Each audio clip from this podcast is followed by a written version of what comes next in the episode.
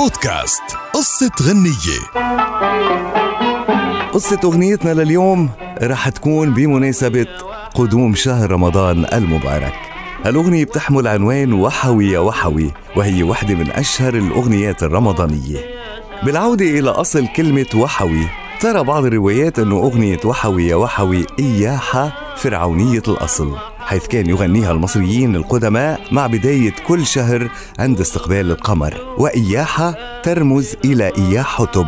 زوجة الملك تاعا الثاني حاكم مصر أواخر القرن الثامن عشر قبل الميلاد. وكانت الدولة الفرعونية الوسطى قد تفككت واحتل الهكسوس فأخذت إياه حتب تحث زوجة على التصدي للغزاة. ومن بعده ابنه الأكبر ثم ابن الثاني أحمس اللي نجح بمهمة طرد الهكسوس من مصر.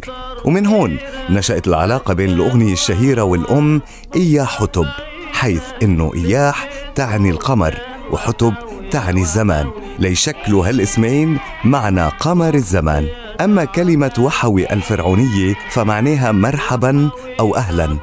وعلى أثر الانتصار اللي حققه الملك أحمس على المحتلين وطرد الهكسوس من البلاد خرج المصريين باستقبال والدته الملكة إياح. حاملين المشاعل والمصابيح ويتغنون بوحوي يا وحوي إياحة. واللي بيكون معناها مرحبا يا قمر وذلك تقديرا للدور الكبير اللي لعبته بهالمعركة حيث خرج الشعب يحيي الملكة إياه حتب أما الملك المظفر أحمس فكانوا بيقولوا واح واح إياح أي تعيش تعيش إياح. فيما ترى رواية أخرى أنه الكلمة مشتقة من اللغة القبطية اللي تعني اقتربوا لرؤية الهلال مما جعل رمز من الرموز المرتبطة بشهر رمضان وأشارت روايات تاريخية أخرى إلى أنه كلمة وحوي تعني رحل وإياحة معناها القمر أو الهلال بإشارة إلى رحيل شهر شعبان وقدوم هلال شهر رمضان. وأصبحت هذه الأغنية منذ العصر الفاطمي تحية خاصة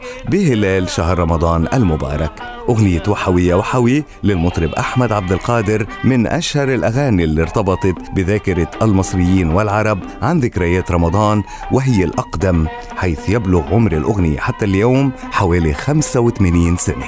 رمضان كريم. وحوي يا وحوي.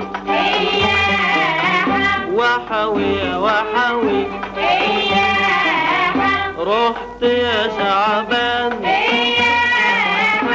وحوينا الضرقة يا رمضان وحوي يا وحوي. بودكاست قصة غنية.